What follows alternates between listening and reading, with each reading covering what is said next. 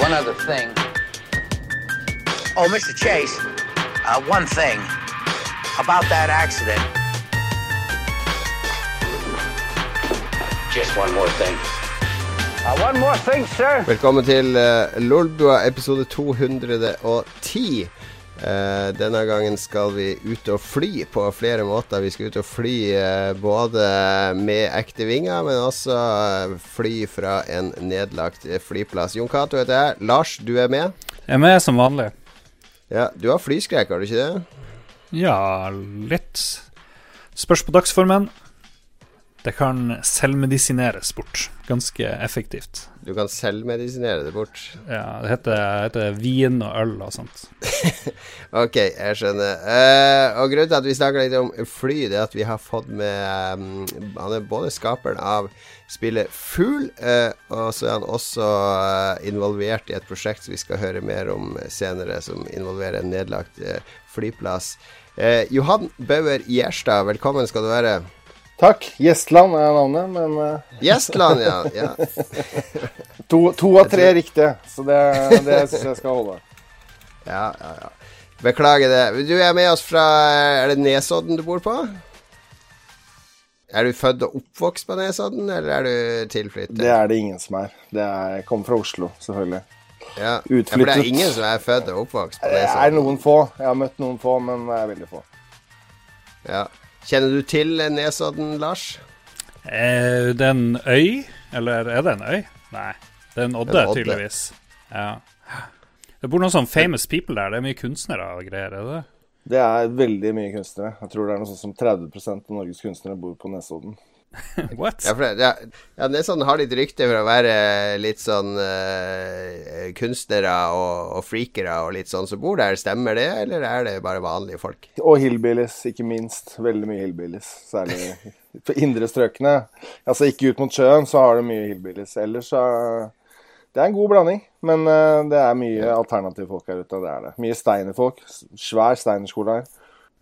Velkommen skal du være. Vi skal få høre mer om eh, kanskje ikke Nesodden, men om ting du driver med senere. Først i, i Lolbua så pleier vi å snakke litt om det har vært noe om hva vi har gjort i det siste. Og Lars, har det vært noe spennende i Harstad? Er det bare festspillene det handler om der oppe nå, eller er det noe annet som skjer? Nei, nå har det jo Nei, nå skjer det absolutt ingenting annet enn sånn fri, fridag.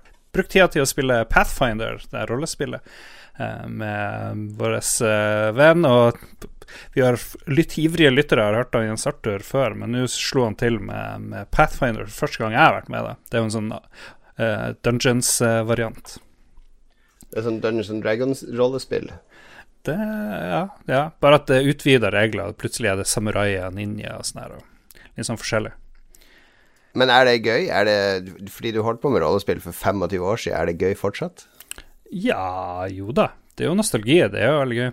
Finn frem uh, godteposen, uh, sett på litt sånn klassisk rollespillmusikk i bakgrunnen, og så spille et rollespill, og så prate mye skit. Det er jo det det går på. Men blir du ikke litt utålmodig? For jeg merker jo at jeg føler jeg har litt mindre fritid nå enn jeg hadde før. Så det å sitte ti timer og spille rollespill, og at det kan bli for lite progresjon Uh, nei, det, her gikk det greit. Jeg var en sånn one-off. Det kom noen venner av han uh, på besøk, så han hadde ferdiglagde karakterer. Og en uh, historie hvor vi var på en båt og for nedover kysten. Så liksom, det var veldig lett å tvinge hendelser på oss, egentlig. Så da, da, var det grei fremgang. Men jeg hørte rykte om at du spilte noe sånn titimers uh, rollespillaktig sjøl, så du, er du lei av det? Er det det du egentlig prøver å si? Nei da, jeg spilte brettspill. Jeg blir fort lei. Jeg merker det av sånne ting. Eh, det, men det tror jeg har med alderen å gjøre. Nei, jeg har hatt uh, i det siste, det eneste jeg har gjort som jeg kan, eller orker å dele, vi, had, vi hadde en sånn sommerfest hjemme hos meg.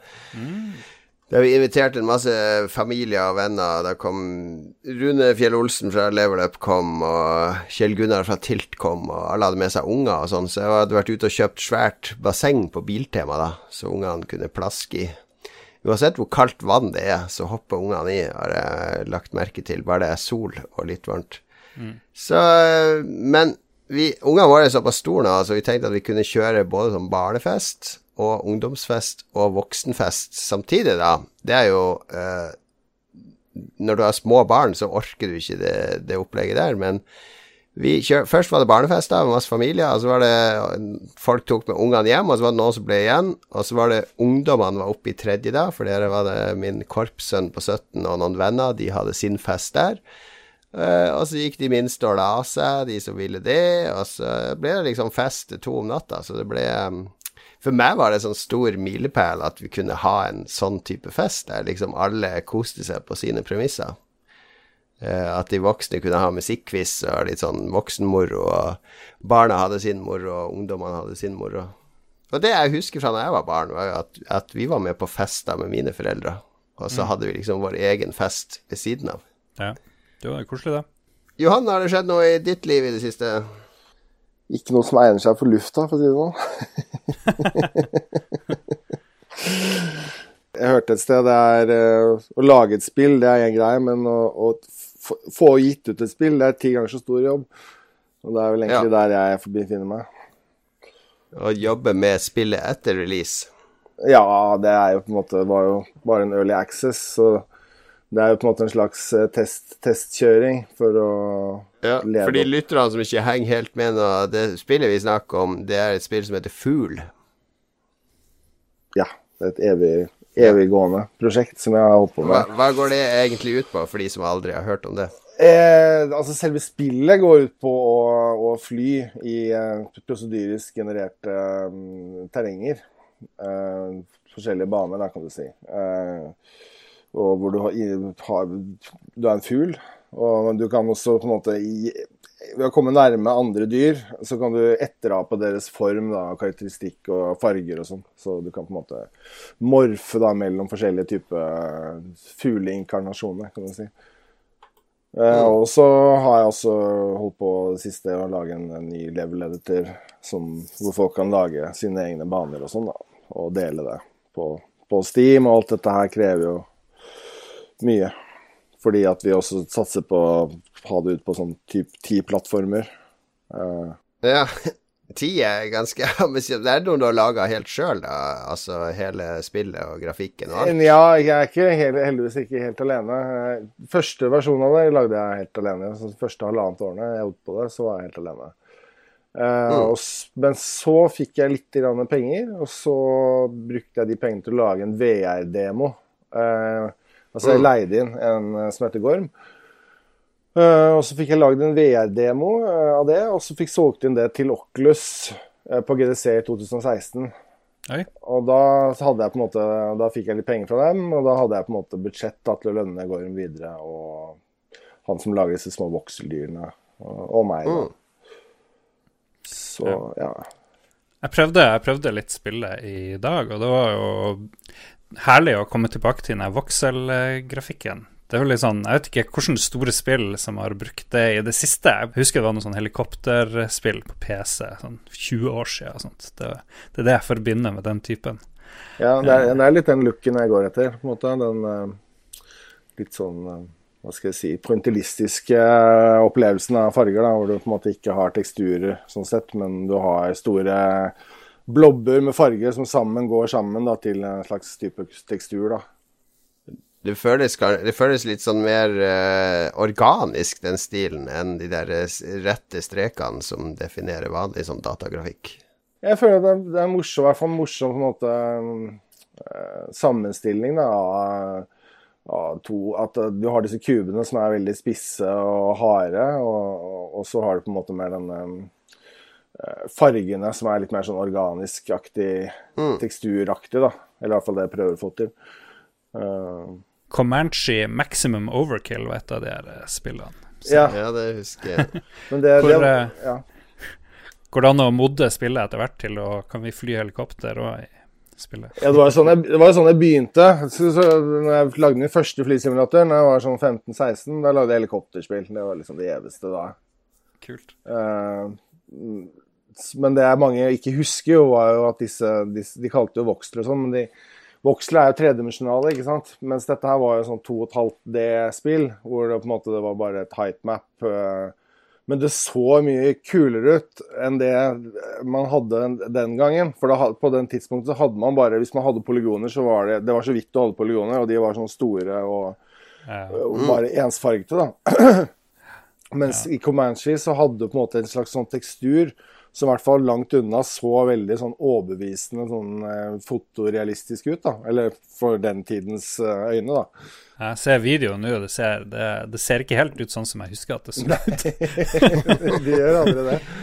Rart, rart det der, Lars. Eh, men du, du begynte med helikoptre som 15-åring, og så ble det litt mer sånn der eh, fugl- og dyreliv når du er voksen? Er du blitt liksom eh, Er det tilbake til naturen? Har du blitt eh, Har du vokst? Eller var det liksom våpen og, og, og maskingevær og helikoptre når du var tenåring, og nå er du blitt voksen? Nei.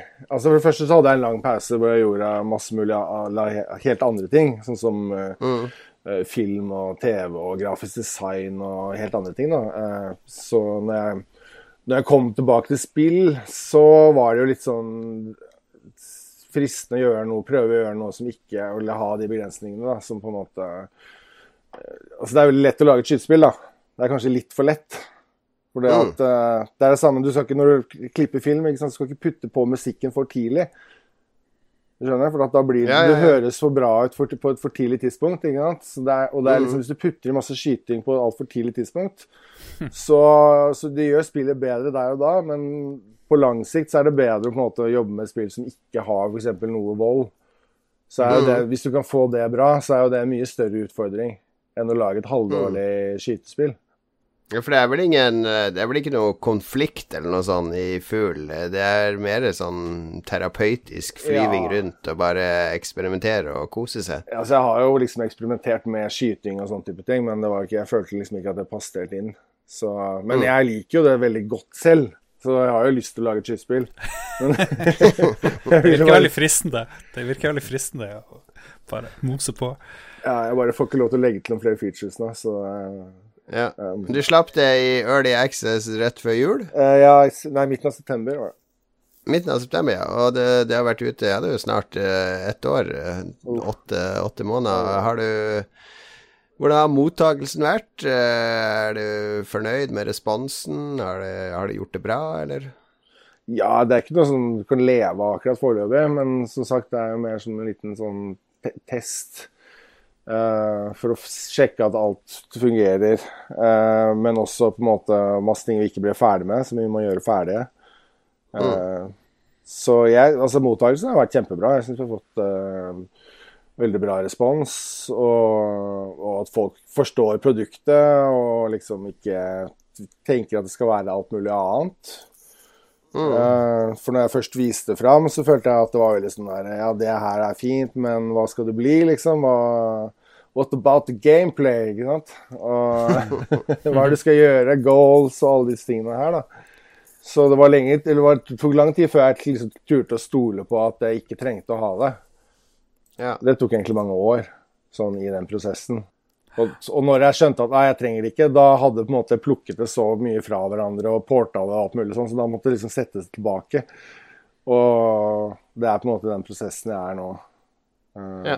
Fordi at ja, jeg er litt ny til spill, og det har vært vanskelig å, å prosjektere det. Jeg merker jeg, Nå vet at andre også har problemer med det, men eh, så man tenker liksom man skal bare legge til dette her, dette her blir kult, ikke sant. Nå har vi litt funding, og, og så legger man til en svær feature som på kanskje var, var kanskje litt unødvendig da, i utgangspunktet. så det, man må liksom prøve å holde seg til det som er kjernen av, av, av spillet. Nei, men Det var morsomt å prøve det. Anbefaler folk å teste, teste fugl og fly rundt. og Jeg kjente en viss avslapping, men det var en slags kneik å komme over der og styre den fuglen. I hvert fall med musa så var det litt sånn Ja. Det var en del krasj og kollisjoner. Det, å fly, det ser veldig fristende ut å fly inn i hule, men jeg har funnet ut at det er et slags selvmordsoppdrag ofte. liksom... ja, du har sånn bremseknapp. Hvis du bruker høyreknappen, så kan du bremse. ja, ja, for å få litt mer Men det kreves litt, altså. Det gjør det. Er, har men du kan ha litt forskjellige De forskjellige fly, typer dyrene har litt forskjellige typer flyveegenskaper. da. Så du kan eksempel, Hvis du flyr en sommerfugl, så flyr den mye saktere. Så du kan ja, tilpasse det litt. Men det er jo så ting som ikke er helt forklart, da. Så det er jo ja, det er veldig greit å ha det her, da. For den ok, høyere er bremsekampen, for da, da flakser han jævlig fort. Men det er liksom mer sånn hover, hover mode, eller liksom Ja, det er slags Det er helikopter, faktisk. Når du går sakte ah. så fungerer det som et helikopter. Ah, kult. Bra. Du får øve mer, Lars. Uh, håper, håper, det går bra med Fugl. Jeg syns det er et unikt uh, spill, uh, det, spesielt på Steam, som har så, så, mye spill, og likevel klarer det å skille seg ganske mye ut fra, fra majoriteten av spillbiblioteket. Så jeg håper det, det suser og går. et annet flytype tema som du har vært litt forkynner for i det siste, er jo en, en lufthavn oppe i Nord-Norge, har jeg skjønt? Mm. Ja, det dreier seg om eh, Værøy, en gamle, gamle flyplass. Uh, Værøy er ytterst i Lofoten, eller der omkring? Ja, det er ytterst og nederst uh, i Lofoten. Sånn ca. 80 km ut fra Bodø eller noe sånt. Ute i havet, med bare røst utafor.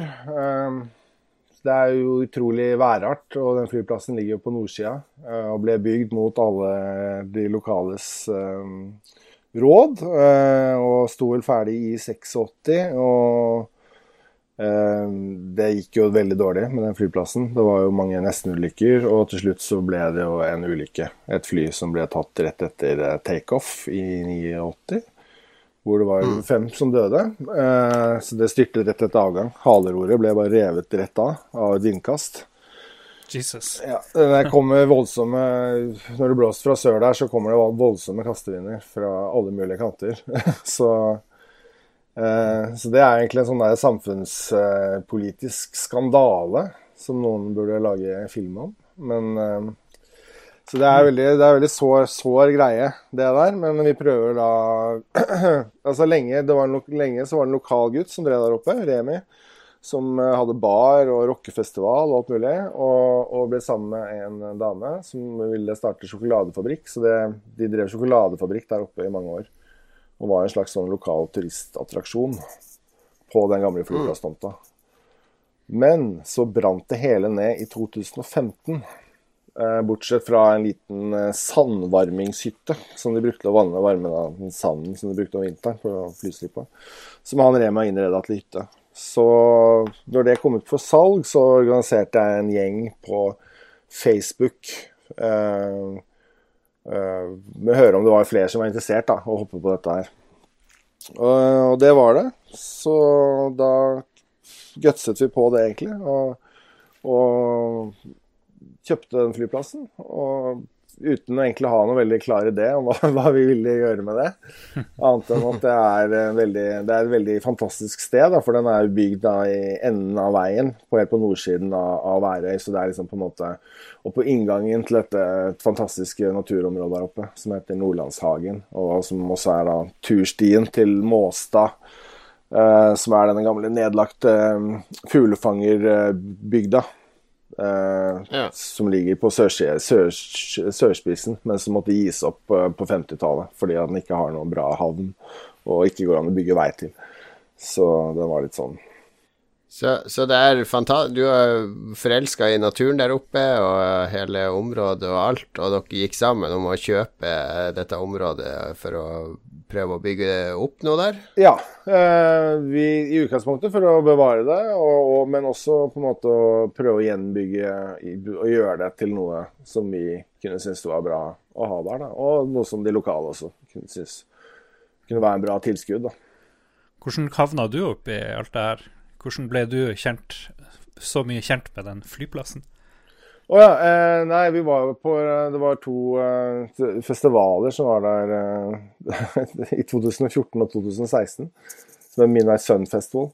Så da var jeg og en del venner og en del av disse folkene, eller mange av disse menneskene var der da, eh, og forelsket seg veldig i stedet. For i to, særlig i 2014 så kom det en sånn tropevarme i Nord-Norge som var helt utrolig, som varte i en ukes tid. Eh, som akkurat sammenfalt med denne festivalen, og da var det liksom 25 grader oppe på Værøy.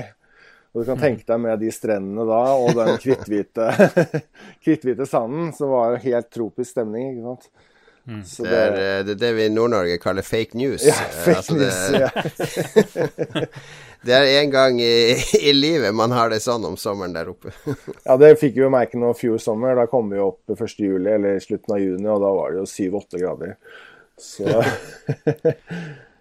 Det dere prøver å bygge opp der, er jo For dere har jo en sånn funding-kampanje gående på mm, nett. Mm, mm. Eh, og lage no, noe slags eh, sted for kunstnere som kan komme og bo eller utvikle seg eller få kreativitet eller skape uh, ulike typer kunst? Ja, vi prøver å skape en slags rom, uh, rom for kreativitet. En slags uh, noe i um, i hva skal jeg si, skjæringen mellom teknologi og kunst. da. Mm. Uh, som f.eks. spillutvikling, uh, men også andre typer prosjekter, innovasjonsprosjekter eller uh, Vi har bl.a. en ting vi har lyst til å gjøre som er sånn plastresirkuleringsprosjekt, hvor man bruker For det er jo veldig mye plast der, og marint avfall. Så vi har lyst til å bruke det og, og grinde det opp og lage sånn 3D-printermaterialer av det. Og så kan du ha en 3D-printer i Eh, på site, så kan du printe ut forskjellige deler du trenger, eller andre ting. da, Eller hva som helst. Så resirkuler plasten på stedet. da. Er det sånn, Du er jo uh, bor på Nesodden nå. Er drømmen din å kunne flytte opp til, uh, til Værøy? Nei, jeg tror ikke, jeg, jeg ønsker ikke å bo der hele året. Men uh, det er et sted som f.eks. om vinteren er helt fantastisk i forhold til nordlys og i forhold til den eh, ja. mektige naturen som du har der oppe da. Eh, med vær og, vær og vind, da, særlig. det er jo altså For meg, for en østlandsgutt, så er jo liksom en ordentlig vinterstorm det er jo det er en stor turistattraksjon. Det. Ikke sant? Det er jo noe man har lyst til å oppleve. og som Du ikke, du får jo liksom ikke oppleve vær eh, i Oslo-området. Det, det, eksisterer på en måte ikke så på den måten som det gjør på Værøy, i hvert fall. Nei, nei, nei. Nei, men hvis folk vil uh, være med og spytte penger inn i været i lufta, hvor skal de gå uh, da, Johan? Da er det bare å gå inn på funde.no-siden. Der ligger vi øverst, så er det veldig lett å finne. Funde.no. Lykke til med både været i lufthavn og fugl. Eh, vi skal ha litt musikk, og så blir det litt eh, spillnyheter, hva vi har spilt i det siste, osv.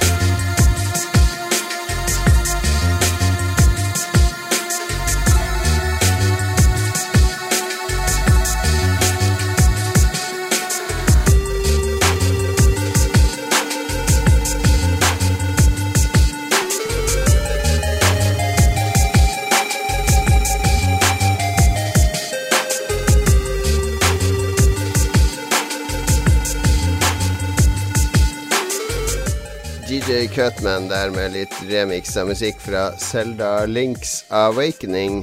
Um, fra Værøy til internasjonale spillnyheter, Lars. Du har gravd fram uh, litt nyheter trekke frem litt eh, random news. Stort sett henta fra den nye Instagram-nyhetstjenesten du driver. Jon Catos spillnyhetsbyrå. spillenyhetsbyrå. Første nyhet. Capcom forteller at spillet Okami kommer til Nintendo Switch 9.8. Spillet kom til PC, Xbox One og PlayStation 4 i slutten av fjoråret, men vi snakka veldig lite om det da. Eh, Okami er jo et uh, japansk actionspill der vi kontrollerer en sånn gud som har tatt ulveform. Fikk veldig god uh, kritikermottakelse, men ble aldri noe sånn spesielt storselger. Uh, og regissøren brukte Legend of Zelda som modell for Okami. Så det er jo et av de her spillene som kommer tilbake igjen og igjen. og jeg tenker nå skal jeg spille det, men jeg får aldri gjort det. Så vi får se. Kanskje Switch blir greia gangen jeg skal spille Okami. Det kommer på GameCube og PlayStation 2 og sånn opprinnelig, så det har jo vært ute i mange utgaver. Ja, ja. Det er det. Har du aldri spilt det? Spilte det litt på PlayStation 2, sikkert. Ja. Uh, men fullførte det aldri. Men det er ikke det, det, det, det, Jeg har lyst til, å, lyst til å spille det mer. Er veldig vakkert spill, da, men det er litt sånn at uh, estetikken nesten kommer i veien litt for spillet av og til, syns jeg. Call of Duty, Black Ops 4 uh, eh, får ingen enspillerkampanje. Det er jo shocking news, eller er det det? I stedet for så får vi en sånn Battle Royale-del, og noe som visstnok ligner på Overwatch. Pluss uh, zombie og pluss uh, nå enn som bruker å være i de her Black Ops av multiplayer. Det er jo litt sånn, litt shocking. Det er jo noen som mente at de har telt uh, bruken på hvor nå enn det var, Steam eller noe, at, eller achievements, og viser at det, det enspillerdelen og multiplierdelen er liksom kanskje jevnstor, eller folk har i hvert fall spilt mye av de enspillertingene i Call of Duty. Er det shocking news, Jon Cato? Altså, det, det, er jo ganske kostbart å lage de enspillerkampanjene, fordi mm. uh, fordi du må ha et eget team til å gjøre det, og så er det, det er mye vann Eller det er ikke vann Eller det er vanskeligere å teste, syns jeg, fordi at uh, i flerspiller så er det litt mer sånn åpne regler, og uh, det er mer motoren du tester, da. Mens i enspillerkampanje må du teste alt mulig dustete som den spilleren kan gjøre, og det er så mye som er skripta som skal passe, og det skal paces riktig, og uh, den, du har en masse dialog og dramaturgi og skal du skyte masse uskyldige sivile? Ja, og så har du kart som du lager bare for at de skal oppleves i én rekkefølge, ikke sant. Det er ikke multiplierkart som du lages for at de skal oppleves fra alle mulige vinkler og, og kan teste Skal balanseres på den måten. Så jeg tror jo Altså, de fleste som spiller Call of Duty enspillerdelen, den er jo ferdig på seks timer. Så de bruker mm. seks timer på det, og så bruker de 500 timer på flerspillerdelen. Så sånn sett så står jo ikke Altså den, de pengene de putter i å lage enspillerdelen i forhold til flerspillerdelen Hvis de hadde tatt de samme pengene som de bruker på de seks timene, og putta i flerspillerdelen, så kunne, kunne de gjort flerspillerdelen enda bedre, er vel det de tenker. Altså ja. laga enda flere moduser der. Det er jo, ja. Jeg tenkte skulle vi høre med Johan. Når kommer det Battle Royale til Fugl? Det er jo veldig populært. Ja, jeg elsker Battle Royale. Ja. Altså, det syns jeg er kjempe kjempeidé. Jeg liker det. Jeg føler det passer veldig bra inn. Eh, kanskje ikke akkurat med fugl, men altså med feelingen Det er noe veldig sånn der umiddelbart med den Battle Royale-greia. At, eh, at, du dør Jeg kan dø så veldig sånn vilkårlig. Og det liker jeg, for det bryter litt den spillregelgreiene som vi har vent oss til. Om at du liksom, du skal liksom Hver gang du blir skutt på f.eks. i spill, så er det alltid en pil som viser hvor du blir skutt, mm. hvilken retning du blir skutt på fra. ikke sant? Det er det vel også i disse spillene, men det er allikevel den der vilkårene at du bare plutselig får et Jeg stoppet opp, kjørte en motorsykkel, prøvde på, uh, på mobilen, og så bare kjørte jeg bare rundt, og, lalala, og så stoppet jeg på ett sekund, og bare så meg litt rundt, og så bare bang! Så bare You're dead, ikke sant? det er noe med jeg liker, ja, jeg, jeg liker den filosofien, fordi vanligvis spillfilosofi er jo at spilleren er unik, og han er en helt. ikke sant? Du skal empowere han. Ja. Det er det det handler om. Mens i Battle Royale så er det 99 tapere og én helt. Så de 99 må liksom tape for at han ene skal bli vinneren. Eller hvis det er lag, da. Men, men filosofien er sånn at du må virkelig Altså, du må Du blir trampa på og trampa på og trampa på for å få en seier av og til. Så jeg syns det er unikt. Jeg, jeg synes, og det konseptet altså De kaller det vel for uh, Call of Duty blackout er vel, er vel, det de har kalt den der Battle Royale-modusen. Og det de sier, er at de har satt sammen eh, flere klassiske Call of Duty-kart til ett stort kart. Uh -huh. Så fordi Call of Duty-veteraner vil da kjenne igjen områder og bygninger og sånn som har blitt mesha sammen til et stort kart. Og så spiller du karakterer, og du har gadgets og våpen og alt mulig fra tidligere Black Ops-spill.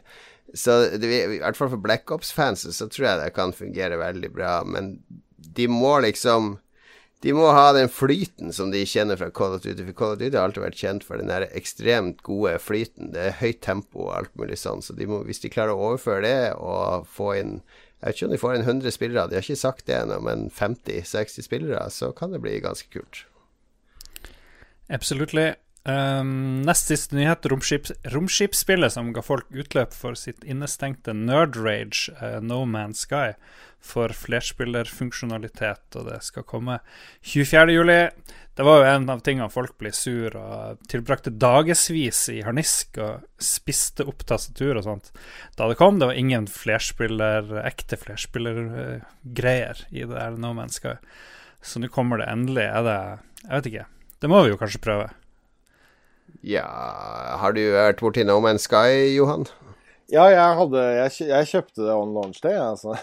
og lasta ned og ruta opp. Og første, første ti minuttene er jo helt fantastiske i det spillet. Det er jo virkelig Inntil du skjønner hva det handler om. Som handler om å bare ta alt det der fantastiske og bare skyte det i stykker. og gå og plukke opp delene, og så drive og få alt sammen, cramme det inn i inventory som er altfor lite, og holde på med masse menyer og Ja, det var en utrolig stor skuffelse. Det var liksom sånn Men det ligger jo der i biblioteket, så det er jo bare å få oppdatert og Ja, det har jo vært eh, oppdatert ganske mange ganger siden lanseringa er gratis, og de har mod fiksa og ordna og tvika og lagt til ekstremt mye, altså landkjøretøy og, og sånne ting. Så jeg testa det på nytt for et år siden, og det var ganske mye som var forbedra da. Så hvis de nå får inn multiplayer nå, så har de vel egentlig holdt alt de lover.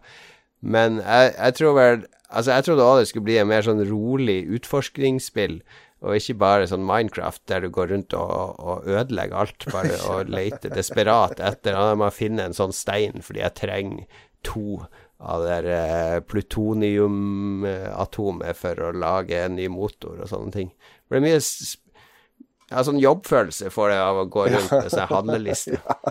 Nei, det gamifier det på en helt feil måte. Jeg skjønner ikke hva de tenkte. Om det var Sony som var inne i bildet, eller hva. Eh, Jeg føler at eh, hvis vi går tilbake til den opprinnelige traileren, om det var fra E3 eller noe sånt, som alle husker Og alle, grunnen til at alle er så sure, er pga. den traileren. For den var jo noe helt annet. Og den hadde en feeling som du også virkelig sånn uh, Ja, ikke sant? Siste nyhet. Ubisoft har annonsert at Division 2 kommer i mars 2019. Jeg vet ikke om det, det er bare jeg som er, bryr meg, men Division 1 har jo blitt et veldig veldig bra spill etter at også det ble eh, ganske kritisert eh, i starten. Men eh, mars 2019 Spørs om jeg gidder å spille det helt til da. Jeg har allerede begynt å trappe ned. Nå har jo Destiny 2 kommet med en sånn her expansion som eh, opptar eh, den greia, den derre multiplayer-skytedingsen, så jeg vet ikke. Noen av dere som eh, girer på Division 2?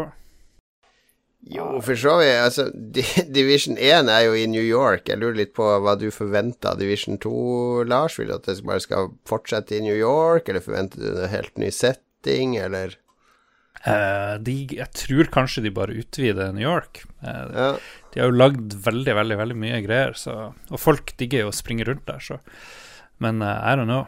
Vi får se hvor, hvor de skal ta. Tyskland, Berlin. ja London, LA, et eller annet. Jeg vet ikke. Johan, har du vært borti Division? Nei, jeg bare alle kontroversene rundt det. Eh, sånn politisk sett og sånn. At du går rundt og skyter folk i hoodies, stort sett. Men Men eh, jeg, skjønner ikke hvorfor de ikke lager Battle Royale av det. Altså, de har jo De har jo en bra De har jobbet mye med den eh, Det må jo komme Battle Royale i Division 2, Lars. altså, sånn detaljrikdommen i Division og hva de har lagt til av disse effekter på Altså, altså skyte, skytefeeling i Division, tror jeg. Der har de jobba ganske bra med så, Ja. Sett noen funker, videoer der. funker veldig bra. Og grafikk og lys og sånn her. Det er få spill som ser så kule ut. Det er. Det var dagens nyheter. Takk, Lars, for at du steppa inn for Mats. Åssen føltes det å lese nyheter? Jeg er jo redd for at jeg skal slutte i Lolbua nå, fordi først var det Magnus som leste nyheter, han er ute. Så var det Mag Mats, og han er ute. Og nå, hva skjer med Han, meg? han er bare ute på plattform, da. Ja, OK, han kommer tilbake. Han kommer tilbake.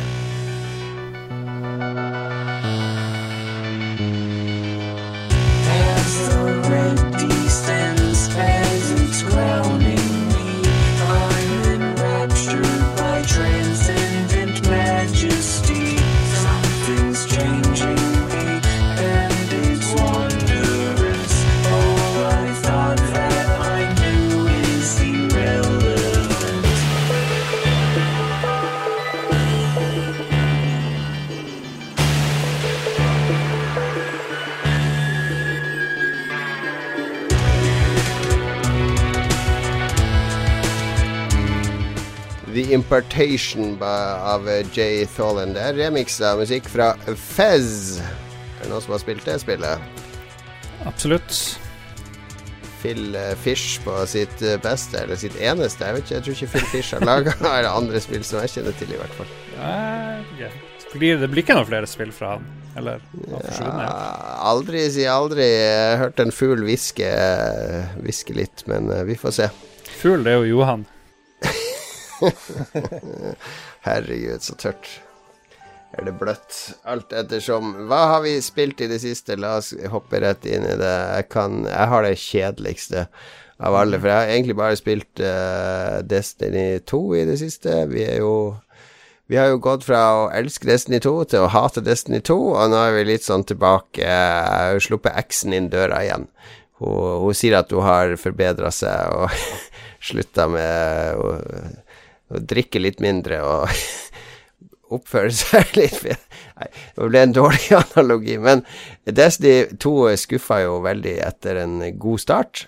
Eh, så kom en utvidelse som het Curse of Osiris, som ikke fiksa så veldig mye. Og så har jo Bungie lagt seg langflate, og nå gjør de alt de kan for å gjøre Destiny 2 til Destiny 1. Eh, basically så reverser de veldig mye av det de har gjort, og, og, og prøver å, å gi spillerne mer empowerment og progression og alt mulig. Og det har de til en viss grad lykkes med i den nye utvidelsen Warmind. De knuser på med veldig mye mer grind, i hvert fall. Det, det er nå det jeg har oppdaga. Jeg vet ikke, er det så Og mye masse annet? sånne langsiktige mål å jobbe mot, og det er jo Jeg vet ikke, det er noe som trigger opp i hjernen vår av å se en sånn progress bare gå opp ved at du jobber deg mot det, av en eller annen grunn. Mm. Ja. Jeg har bytt på. Jeg har levela opp alle tre karakterene mine der, så og gått gjennom eh, den nye historien, den Warmind-historien, som jeg er ganske lei av, men nå er jeg ferdig med det. Og så nå er jeg klar for litt eh, Jeg vil prøve det nye raidet, men eh, liksom Du må opp på level 370, tror jeg det, for å gjøre det, og jeg er jo ikke 350 engang, så det vil jo ta en måneds tid med det her tempoet før jeg Du må gjøre litt milestones, og så er det jo sånn at et par av de blir dritvanskelig. Heroic Strikes er jo dødsvanskelig.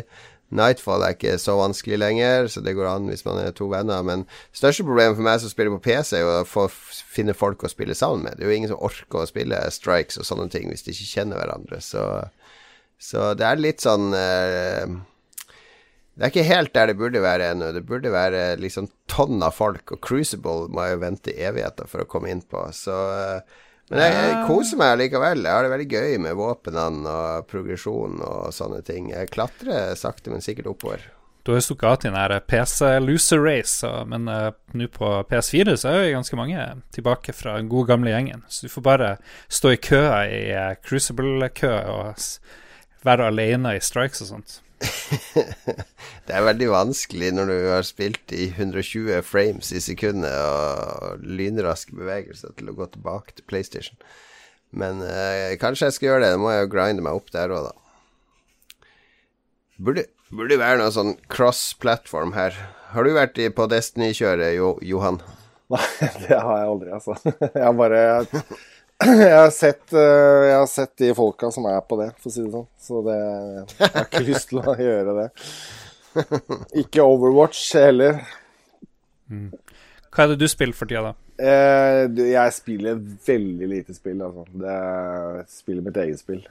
det, det holder med det. Jeg prøver liksom innimellom. Og, og jeg har jo Av og til så kjøper jeg jo spill, så de ligger jo og modner. Så det var jo ett sånt spill som jeg prøvde her om, her om kvelden. Så hadde jeg et spill som har ligget og modna lenge, da. Og det, det er et spill som heter Firewatch. Som var jo the big thing for uh, to år siden. Altså the big indie sensation. Ja. Så, men før jeg fikk lov til å spille det, så måtte jeg gå gjennom et sånt veldig merkelig tekstspill som ingen hadde fortalt meg om. Hvor jeg måtte velge masse forskjellige alternativer på eh, sånn storyline. Ja. å gi meg backstoryen på hvorfor jeg skulle dra til Wyoming. Og det var altså så Jeg var så bummed out. Jeg gjorde, jeg gjorde alt riktig, jeg var skikkelig bra kar, og så endte bare opp med at dama mi fikk eh, Early onset Alzheimer in the age of 42. jeg bare Are you kidding me? Are you kidding me? Why? Og så spilte jeg det spillet i uh, kanskje en halvtime, inntil at uh, Og da hadde jeg sett alt som hadde skjedd i traileren. Eller i hvert fall 99% og så, så da skjønte jeg hvordan de hadde lagd traileren, og det var egentlig veldig lurt. Lur måte å lage en trailer på. Men da Ja, så skulle jeg gjøre noe annet. Og det, altså, stoppa jeg egentlig, for jeg skjønte på en måte at det var egentlig bare en, en walking simulator, da, hvor det skulle bare gå litt Jeg trodde jeg skulle ut og liksom utforske og ut i skogen og sånn, men så var det liksom Det var veldig sånn gå fra A til B, da. Det er sykt scripta, det er veldig lite rom til noe som helst. Jeg er ikke, jeg er ikke noen sånn superfan av det spillet, så jeg ble litt overraska da Valve kjøpte opp hele studioet. Fikk du med deg det? Ja, ja, det er også veldig, veldig sjokkert over det, egentlig. Jeg skjønte ikke helt hva Jeg skjønner jo på en måte greia deres, hva de holder på med. Jeg syns jo det er veldig bra. Jeg bare skjønner ikke helt hva det har med Valve å gjøre. Mm. Eh, men eh, ja, jeg var veldig skuffet. Men kan hende at det spillet blir bedre etter hvert også, men å bare Ja, det er ja, det er sånn en slags interaktiv film altså, som jeg føler blir sånn eh, ikke en omstendelig måte å lese en bok ja, på. ja, riktig. nesten. Veldig omstendelig måte å lese en bok på.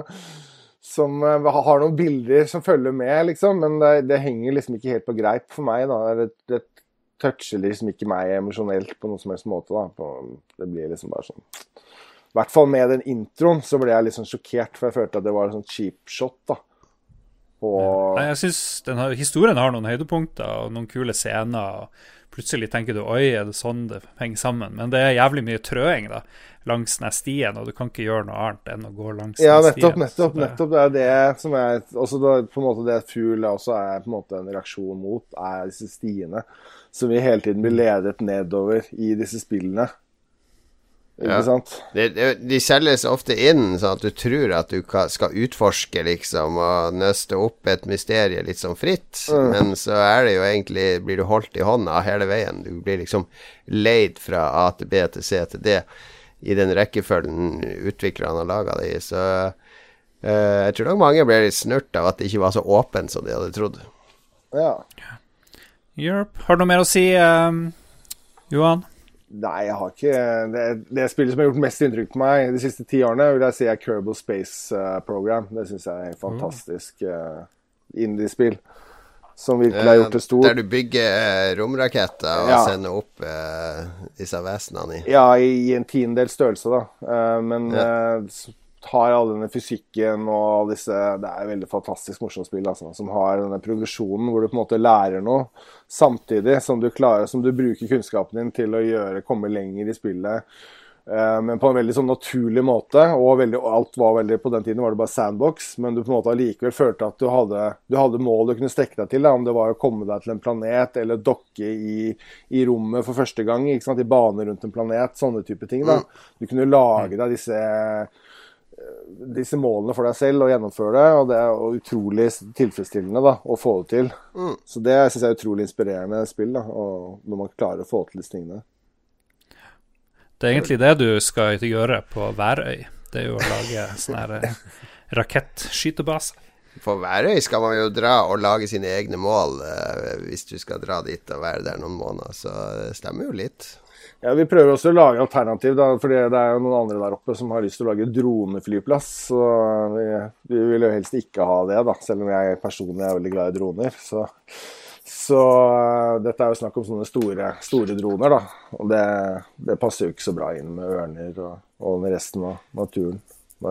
Du nevnte noe som jeg syntes var litt morsomt, fordi du hadde spilt Firewatch en halvtime, og da skjønte du også de hadde laga traileren. Er det sånn at du, nå når du lager spill litt sånn profesjonelt, at du er litt sånn skada? At du ikke kan spille spillene bare for å nyte spillene, men liksom må analysere markedsføringa og hva spillet Altså, du, må, du ser hele tida bak spillet. Nei, det tror jeg alltid har gjort. Jeg tror jeg alltid har vært mitt største problem med spill. At jeg alltid har de begrensningene. Jeg føler alltid jeg stanger opp mot disse veggene hvor jeg har lyst til å gå over et sted og jeg ikke kan. Og du vet, du vet aldri helt om kan jeg gå her eller kan jeg ikke gå her. Det er ikke alltid det er markert like tydelig i spill.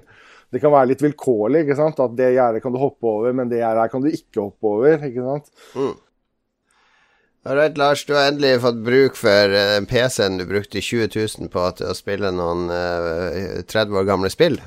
Det, det var jo det jeg så frem til, og nå har jeg virkelig eh, slått meg løs. 17. mai var det eh, frokost hjemme, og da alle var gått i sånn her ett-tida var, er to-tida. vil du si at det ikke er frokost hjemme andre dager enn 17. mai? Nei, Det var, var invitasjons... Det er jo noe det, Ja, 17. mai-frokost det er jo folk. en eh, Ja, nettopp, ja, spesiell greie. Ja, ja, ja. Og eh, da hadde jeg allerede dagen klar. Da var det retro 17. mai. Eh, først så var det Fordi en av gjestene jeg vi eh, begynte å spille Jones in the Fast Lane eh, fra det her seriespillet fra 1990, som dere sikkert eh, husker. Mm. Eh, du, eh, du driver og Det kan være fire sprayer, men du kan også spille alene mot han der Jones. Det er jo 'Keeping Up With The Joneses'. Det spiller jo litt på det her med å ha mer enn naboen, på et vis. Så du skal få deg jobb, og så skal du kjøpe deg ting, og så skal du kanskje få litt utdanning, så må, men så må du samtidig huske på å spise mat, for ellers så går halve dagen bort. Hvis du glemmer å spise mat, så må du betale husleie. Og, og jeg og han kompisen min som spilte det først, vi har glemt litt hvordan det fungerte, så vi var skikkelig elendige der og drev og kjente på sånn håpløsheten og det her hverdagstorturen med å aldri få nok penger til å liksom få den der fine dressen du må ha for å gå opp, for å få ny jobb og sånn. Og få tid til utdanning og, og jobb og liksom Det er altfor få timer i døgnet, og det er det jo i det her spillet her, som er ganske enkelt. Det er bare et sånt brett hvor du går fra sted til sted. Det er ikke noe sånn det er, ikke, det er bare én skjerm i hele spillet, og det er ganske enkelt. Men det, det var veldig morsomt i 1990, da vi var, vi var meget unge. Og det var faktisk ganske morsomt nå. eh, Det var ikke så artig å spille det alene. Senere på dagen da jeg tenkte jeg må pløye gjennom, for vi rakk ikke å spille, spille ferdig en runde. Men da spilte jeg mot PC-en, og han knuste meg. Men morsomt. Morsom grafikk og Kan du si noe om hvordan, ditt, eh, hvordan opplevelsen av en, Altså nå I 1990 så var du jo ung og lovende og tenkte Mm. at kanskje det her er en illustrasjon på voksenlivet. Og nå har du vært i voksenlivet noen år, og åssen Ja. er de to perspektivene?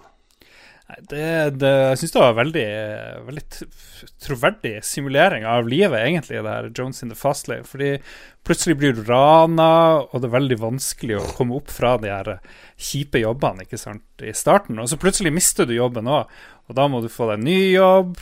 Og, og ting blir dyrere. Plutselig blir ting kjempedyrere, eller ting blir ganske billig fordi verden, liksom oljeprisene plutselig kollapser av veldig mye ting i verden. Og, nei, jeg syns det, det var gøy, og så straffes du veldig hardt ikke sant? hvis du glemmer å betale husleia og, og sånne ting. Så eh, alt i alt 100% nøyaktig gjengivelse av hvordan livet egentlig er. Det får du i Jones in the Fast Lane, vil jeg si. Jones in the Fast Lane, Lucas Arts uh, 1990 Sierra. Sierra. Sierra, Sierra. 1990.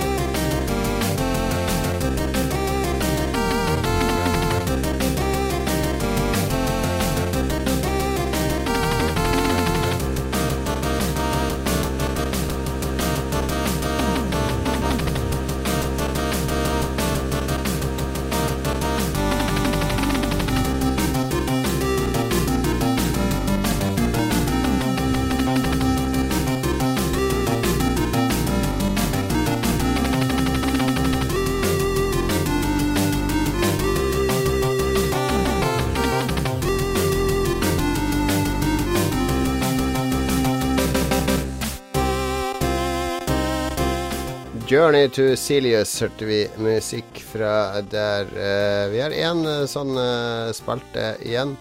Eh, vi har lytterspalten helt på slutten, da. Men før det så skal vi jo komme med ukas anbefaling. I Lolbua så elsker vi Eller vi prøver i hvert fall å, å bidra til noe positivt i verden. Vi vil gjerne anbefale gode opplevelser til våre lyttere. Vi er ikke så interessert i å rakke ned på ting, fordi det er så mye hat og så mye negativitet hvis du surfer litt på internett, så vi vil gjerne anbefale ting som du kan ta inn i livet ditt og, og berike deg sjøl litt og gjøre livet ditt litt bedre. Og du, Lars, eh, jeg vet ikke om du har blitt inspirert av Jones in the Fast Lane, eller hva det er som har gjort at du anbefaler det du anbefaler nå? Ja, jeg vet ikke om jeg rakk å si det forrige uke, men jeg hadde lånt en, eller fikk kjøre en uh, kabriolet, som var ufattelig morsomt å kjøre rundt i. Og liksom eh, samtidig, rent tilfeldig, da, og det har jeg ikke fortalt, så har jeg kjøpt en ny dress, for jeg skulle gi alle de her eh, 17. mai-ting og konfirmasjon og sånt, og jeg har ikke kjøpt noen ny dress på jeg vet ikke, så lenge jeg kan huske. Så jeg for på en sånn ganske grei Jeg for på eh, Galant. Galant, Shout-out til Galant i Harstad. Og han duden som er der, han liksom, han trengte ikke måle, han bare tok det på øyemål. Eh, Så stor er du, og så her har du en haug med dresser. Valgte en fin greie, ikke altfor dyr. Eh, gikk ut, veldig fornøyd.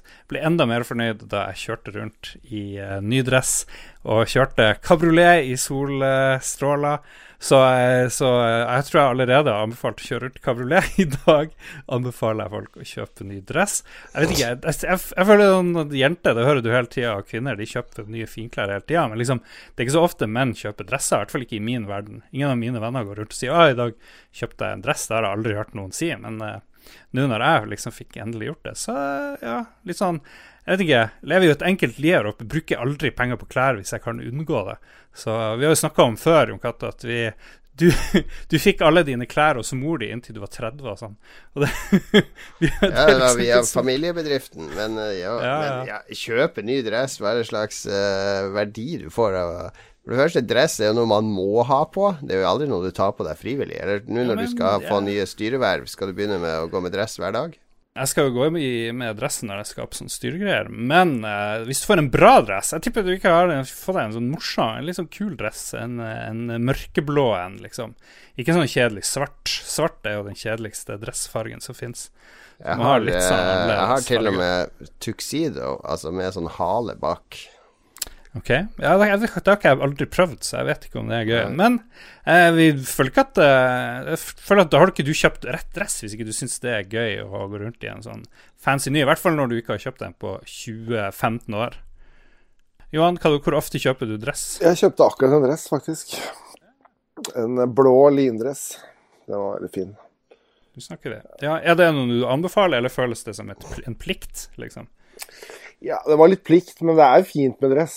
Uh, men det er ikke noe veldig tri sånn kjempegodt å gå rundt i. Det det gjør jeg ikke. Men det er greit. Det er på en måte en sånn arbeidsverktøy, kan man kalle det. Ja, det, er, det er aldri arbeidsverktøy. Jeg er jo journalist, så det, jeg bruker aldri det. Jeg hadde en kompis jeg jobba med på Akersmik. Han fikk dress i julegave, husker jeg. Jeg var kjempefornøyd med den dressen da. Og så hadde han den på, det var jo nyttårsfest, da, så da skulle han selvfølgelig ha på den nye dressen sin. Eh, og det ble jo et gedigent fylleslag. Eh, på vei hjem så kjøpte han seg en kebab. Og så fikk han den eh, gode ideen at han klarte ikke på all kebab, men han kunne bare putte den sånn fint i innerlomma på dressen. Fordi den sto jo så fint i den lomma, da. I den der eh, lille posen som kebaben kommer i. Og så åtte timer senere så våkna han på sofaen da med sånn der kebabsaus over hele overkroppen, for han hadde glemt å ta ut kebaben fra, fra innerlomma når han la seg på sofaen. Så det var den dressen. Oh no. Ja. det, du må være så forsiktig når du har på dress, vet du. Det kan være Det er litt sånn Ja. eh, brems. Ja, jeg er enig. Det er veldig det er sånn, Alt kan gå galt plutselig med, med en dress. Jeg skal anbefale er også en person som går i veldig fine dresser i denne serien. Men jeg, kun, jeg har sett første episode av en ny serie som har begynt på HBO. Den er laga av Sky og og et eh, amerikansk selskap opprinnelig. Den heter Patrick Melrose eh, og handler om eh, eh, Det er Benedict Cumberbatch i hovedrolla da, han som spiller Sherlock og Doctor Strange og sånne ting. Så spiller en fyr som heter Patrick Melrose, som har hatt en ganske eh, kjip barndom. Har veldig rik far og mor, sånne engelske aristokrater. Eh, vokste opp i Frankrike med en meget grusom far, så du får vite litt mer om. Og episoden begynner med at han er sånn i 20-åra, slutten av 20-åra. Han får telefonen fra New York om at faren er død. Eh, han er junkie, går på heroin, og stort sett hele episoden handler om han drar til New York for å hente aska til faren og komme seg hjem igjen og putte i seg mest mulig dop. Uh, meget mørkt og meget morsomt, og en helt amazing eh, skuespillerprestasjon av han Cumberbatch. Altså, han ligner ikke på Sherlock Holmes eller Dr. Strange eller noen andre av de maniske rollene han har hatt. Det er mer uh, han, er, han er virkelig flink til å spille eh, en dopa fyr som flykter fra alt og alle. Eh, meget mye smerte og, og følelser i den. Eh, og alltid når jeg ser sånne serier som jeg blir Det her ble jeg superfascinert av. Jeg har til og med sett første episode to ganger. En gang alene og en What? gang med jeg så den alene først, og så måtte jeg vise den til kona mi. Fordi den, den traff meg veldig bra. Jeg liker jo folk som, som lider på film og TV-serier. Jo, men det kan Det er noe Jeg liker bedre det enn folk som har det bra, da. Altså, det er lettere å relatere til folk som lider, enn folk som bare har det fint og greit. OK, OK. ok Ja, eh, det kan være med. Men, eh, men eh, når jeg så den andre gang, så beit jeg meg merke i forfatteren og sånn, og det- det er basert på fem bøker, da. Det blir bare fem episoder av den serien. Eh, Så det er en miniserie. Og han Edward uh, St. Aubin, som han heter, han forfatteren, det er jo sånn selvbiografisk opplegg, det her, om hans far og, og mor og oppvekst og, og flukt fra alt. Så, så jeg ble superfascinert. Jeg har begynt å lese bøker nå, så jeg kommer antagelig til å bli ferdig med bøkene før jeg har sett hele serien, fordi det kommer bare én episode i uka. Men Patrick Melrose på, på HBO, uh, utrolig bra. Den kommer til å få vinne mye priser, tipper jeg. Thank you. Johan, har du uh, opplevd eller uh, konsumert noe du har lyst til å anbefale til lytteren? Ja. Jeg har jo pløyd meg gjennom Netflix, og det var stusslige saker, må jeg si.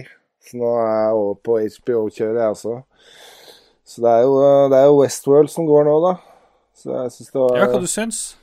Jeg syns det i og for seg var en ganske lovende, lovende start. Det er jo, den er jo veldig fascinerende serien, for den er jo egentlig veldig treig. Men den er veldig f eh, flink til å liksom ut uh, Gi deg akkurat det lille som du vil ha. Og så nei, nå må du vente til neste uke, ikke sant? Ja, det, men det, det går litt tregere i sesong to enn sesong én, eller? Jeg jeg vet ikke, jeg syns at sesong én også gikk litt sånn Hadde litt sånn treige Den hadde noen sånne Det er litt sånn som eh, Game of Thrones. At det er den derre er Veldig mye snakking, det er sånn er veldig treigt, og så plutselig så skjer det noe wow, wow, wow, Masse, ikke sant? Og så er det litt sånn treigt igjen. Hva heter han der han som var med i den første sesongen òg, som bare er liksom han player-characteren som har full kontroll på det meste og kommer seg unna hele tida? Han Sam Harris, er det han heter? Eh, Ed Harris. Ed Harris. Ed Harris, ja. ja. Han er, litt ganske, han er min favoritt her. Han er sykt konge. Ja, han er Eh, fantastisk. Han har alltid vært bra. Det er liksom eh, jeg, jeg husker han tilbake i tidlig 90-tall. Han var liksom alltid sånn, føler jeg. Ja, dette er en veldig bra rolle for han. Absolutt verdt å se den serien bare for å se han, nesten. Jeg, sier, jeg så jeg, faktisk en serie på Netflix som jeg syns var ganske ok, og det var Expanse. Jeg vet ikke om du har sett den? Science fiction. Sci-fi-serie, ja. ja. Den var helt, eh, helt, eh, helt ok, altså. Det vil jeg si. Er det den om de der uh, Ja, altså, ute har, i eh, verdensrommet, så er konflikt med jorda og litt Ja, politikk Mars og og jorden. Og det, er, det, det som er interessant med det, er at det er en slags sånn realistisk science fiction. På en måte, hvor du er ikke sånn 500 år inn i en sånn gyllen Star Trek-framtid, men det er liksom noen hundre år inn i en, en framtid som det kanskje er mulig å tenke seg, da, hvor mennesker beveger seg ut i solsystemet for å hente ressurser, minere ressurser, kolonisere Mars, ikke sant, sånne type ting. Eh, så den har en mye mer realistisk vri på det, og hva konsekvensen av det ville være rent politisk og menneskelig etter noen Så hundre år. en, ja, den har det også en sånn logistikk som mange sånne sci-fi-serier mangler. At du virker det, altså, det er veldig store avstander, ikke sant. Så det er jo sånn at man, Det er ikke bare å svusje med ferger mellom jorda og Mars og sånne ting. Du må eh, Det tar tid, og folk som bor der, har lite kontakt med de som bor der, osv. Mm, og så I løpet av denne serien så hopper man jo rundt fra de forskjellige månene i, til Jupiter og Mars og tilbake til jorden. Og, altså det er på en måte, Du blir tatt med på en ganske interessant reise i solsystemet. da. Eh, Så jeg, jeg, Jeg leste De har vel kansellert den nå etter sesong tre, så nå er det vel en sånn underskriftskampanje om å få Netflix eller noen til å plukke den opp. Apropos Netflix, så så rett før vi skulle begynne opptak, så så jeg der at eh, Netflix, Netflix har lagd avtale med Michelle og Barack Obama om at de skal begynne å lage ting sammen. Ja Så det er, ja, det er weird, weird nyhet, spør du meg. Netflix gjør mye rart. Jeg skulle ønske Netflix var litt mer raus med å dele tall og sånne ting. Eh, Jeg er veldig interessert i statistikk fra Netflix, for det er så, det er så topphemmelig hvor mange som ser hva og hva- hvor og sånne ting.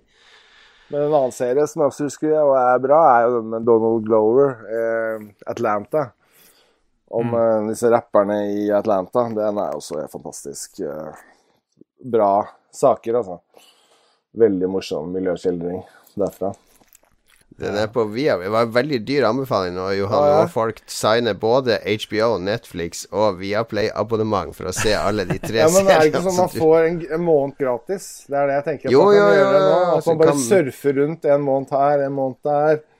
Kjapt binge litt nå som, eh, som sommerferien eh, Så starter. vent Altså. litt da nå. Hvis du ikke har HBO, så venter du nå tre-fire uker, og så kan du se alle episodene av Westworld. Og så er det over til neste, ikke sant? Og den serien du anbefalte, den har jeg hørtes også veldig bra ut. Patrick Melrose. Var, altså, Patrick vi ble, Melrose. fikk skvist inn fem anbefalinger nå. Kjøp deg en ny dress. Sett deg ned med gratis abonnement, en gratis måned på HBO og se Patrick Melrose og Westworld. Så hopper du over til Netflix og ser Expanse. Til slutt Viasat Play og ser Atlanta.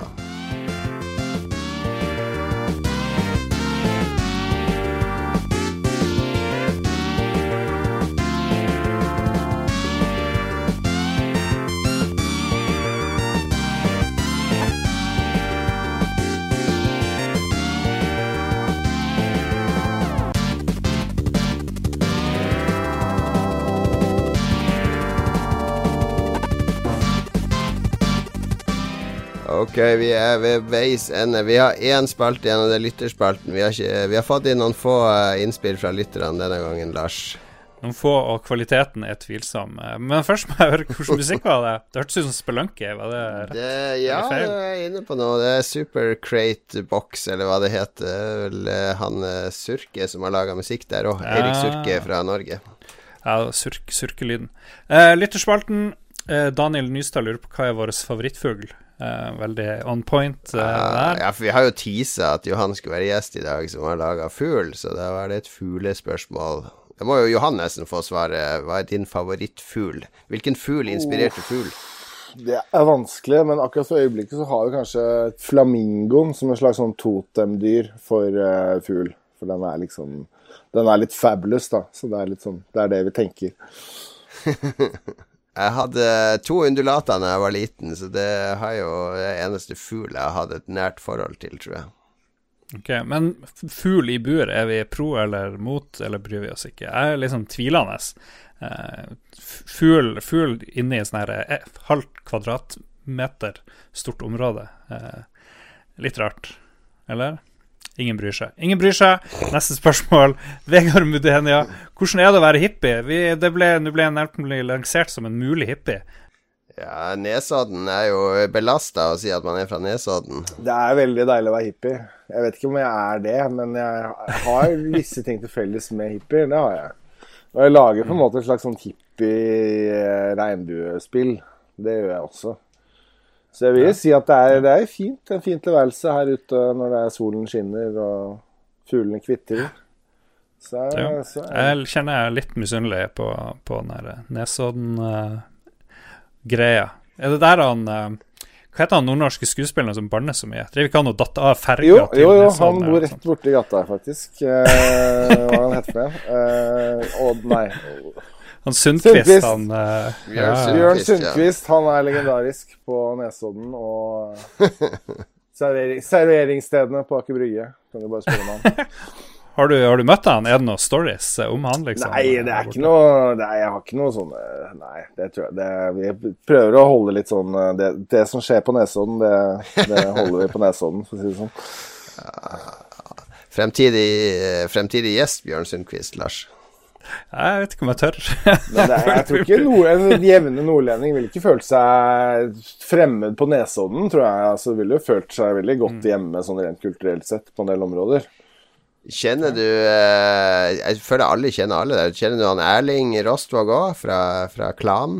Det, det hørtes kjent ut, men nei, jeg gjør Ja. ikke det. Han bor utpå der, han òg. Han, han driver nemlig en konkurrerende spillpodkast som heter Spillmatic, Nei. i tillegg til å jobbe med e-sport og sånn. Å ja, nei, nei. Nei, nei det gjør jeg ikke. Litt for seriøst. Litt for seriøst, det der. Litt for seriøst. Han Magnus Eide Sandstad Han har holdt på å kjøpe fugl en fire-fem gang, og så har han endt opp med å ikke gjøre det likevel. Så han vil gjerne at Johan skal fortelle han eh, hvorfor han må kjøpe det. Eh, støtt en god sak, altså. Det det er så mye bra som kommer. Eh, man kan vente, eller eh, Eller man, det kommer liksom an på hvor nysgjerrig man er. Man har lyst til å vente til noe er helt ferdig. Men akkurat med fugl så er det ikke så farlig. Da kan man følge liksom reisen. Er, du, du, blir, du blir ikke spoila noe. Det er ikke noe som blir spoila. Så jeg ville bare kjøpt det med en gang. For man, det er noe man kan komme tilbake til eh, ved jevne mellomrom. Og følge med på. Og det kan være spennende. Det er ikke så sykt dyrt heller. Jeg tror jeg kjøpte betalt 70 kroner. Eh, ja, det er når det ikke er salg, og så er det jo, det er jo bare å sette seg på Det er en knapp som heter wishlist, og hvis du trykker på den knappen, så får du jo beskjed når det er salg, og det er det med jevne mellomrom. Ja. Og jeg vet i, nå i juli så kommer det et salg som jeg ikke kan snakke om. Men det Ah. pleier å komme et Topp salg. top hemmelig Steam-informasjon. Det er topp hemmelig Steam-informasjon her. Ikke, ikke si det til noen, men eh, kan, man kan vente da. Da kan det godt hende at vi legger det ut på salg. Så da For the little bit more stingy people, det er alltids mulighet. Og det er, eller det er ikke Jeg vil ikke si det sånn, for jeg er sånn selv. Fordi hvis vi hadde betalt fullpris for alle spillene våre, så kunne vi bare kjøpt halvparten så mange spill. Ja. Og det er mye bedre å ha dobbelt så mange spill.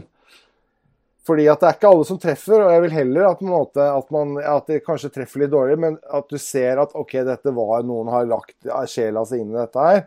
Mm. Jeg gir det de syv dollarene, eller hva det koster. Det kan de beholde, det er greit. Selv om jeg ikke på en måte Jeg går ikke liksom til refund, prøver å finne ut hvordan jeg refunder det spillet da. Ikke sant? Jeg har ikke prøvd å refunde Firewatch ennå. Jeg har jo tenkt å gi det en sjanse til, i hvert fall. Ja. Nei, refund det bruker ikke jeg. Har du vært og sett på refund reasons på Fugl? Du har vel fått et par refunds, tenker jeg. Å ja, de har begynt med det, ja. Ja, du kan gå inn Du må alltid skrive hvorfor de vil refunde som tekst. Ja, Ja, det, jeg vet har det, det, mye Jeg har sett på det på Magnus Sleep og Cream at det er mye, mye rare De kan beskrive hva de vil som begrunnelse, men det er noen som er sånn desperat etter å legitimere hvorfor de refunder og sånn. Ja, Det må jeg finne ut av. Ja, det er en morsom lesing. Jeg vet at vi har hatt en veldig høy return rate eh, innimellom. Men det er mer tekniske utfordringer. Ja, men eh, kjøp, eh, kjøp fugl. Betal gjerne 70 Kjøp kroner. full støtt norsk spillutvikling.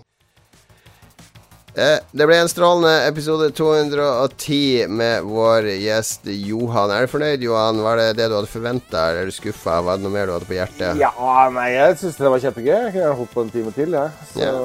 Ja, men så bra. Skal du til uh, Nordic Game nå? ja, jeg skal vinne Jeg er jo skal jo vinne priser.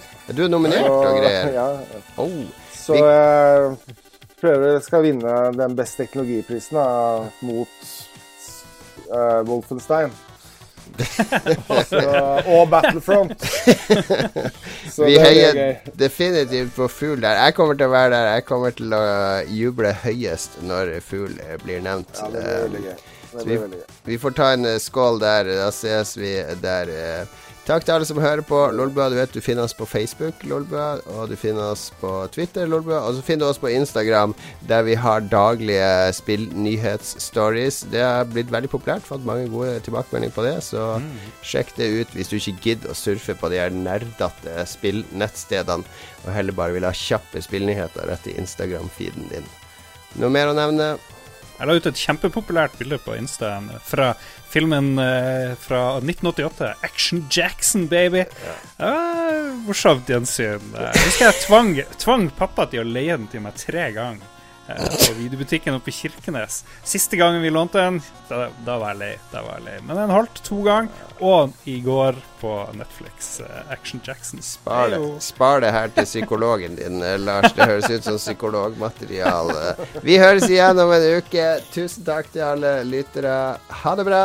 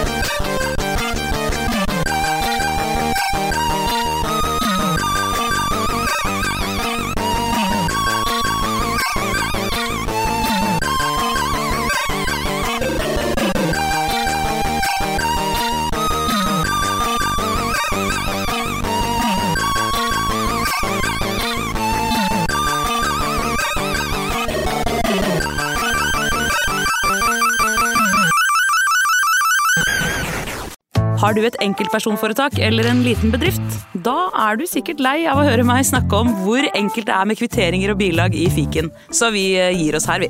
Fordi vi liker enkelt. Fiken superenkelt regnskap.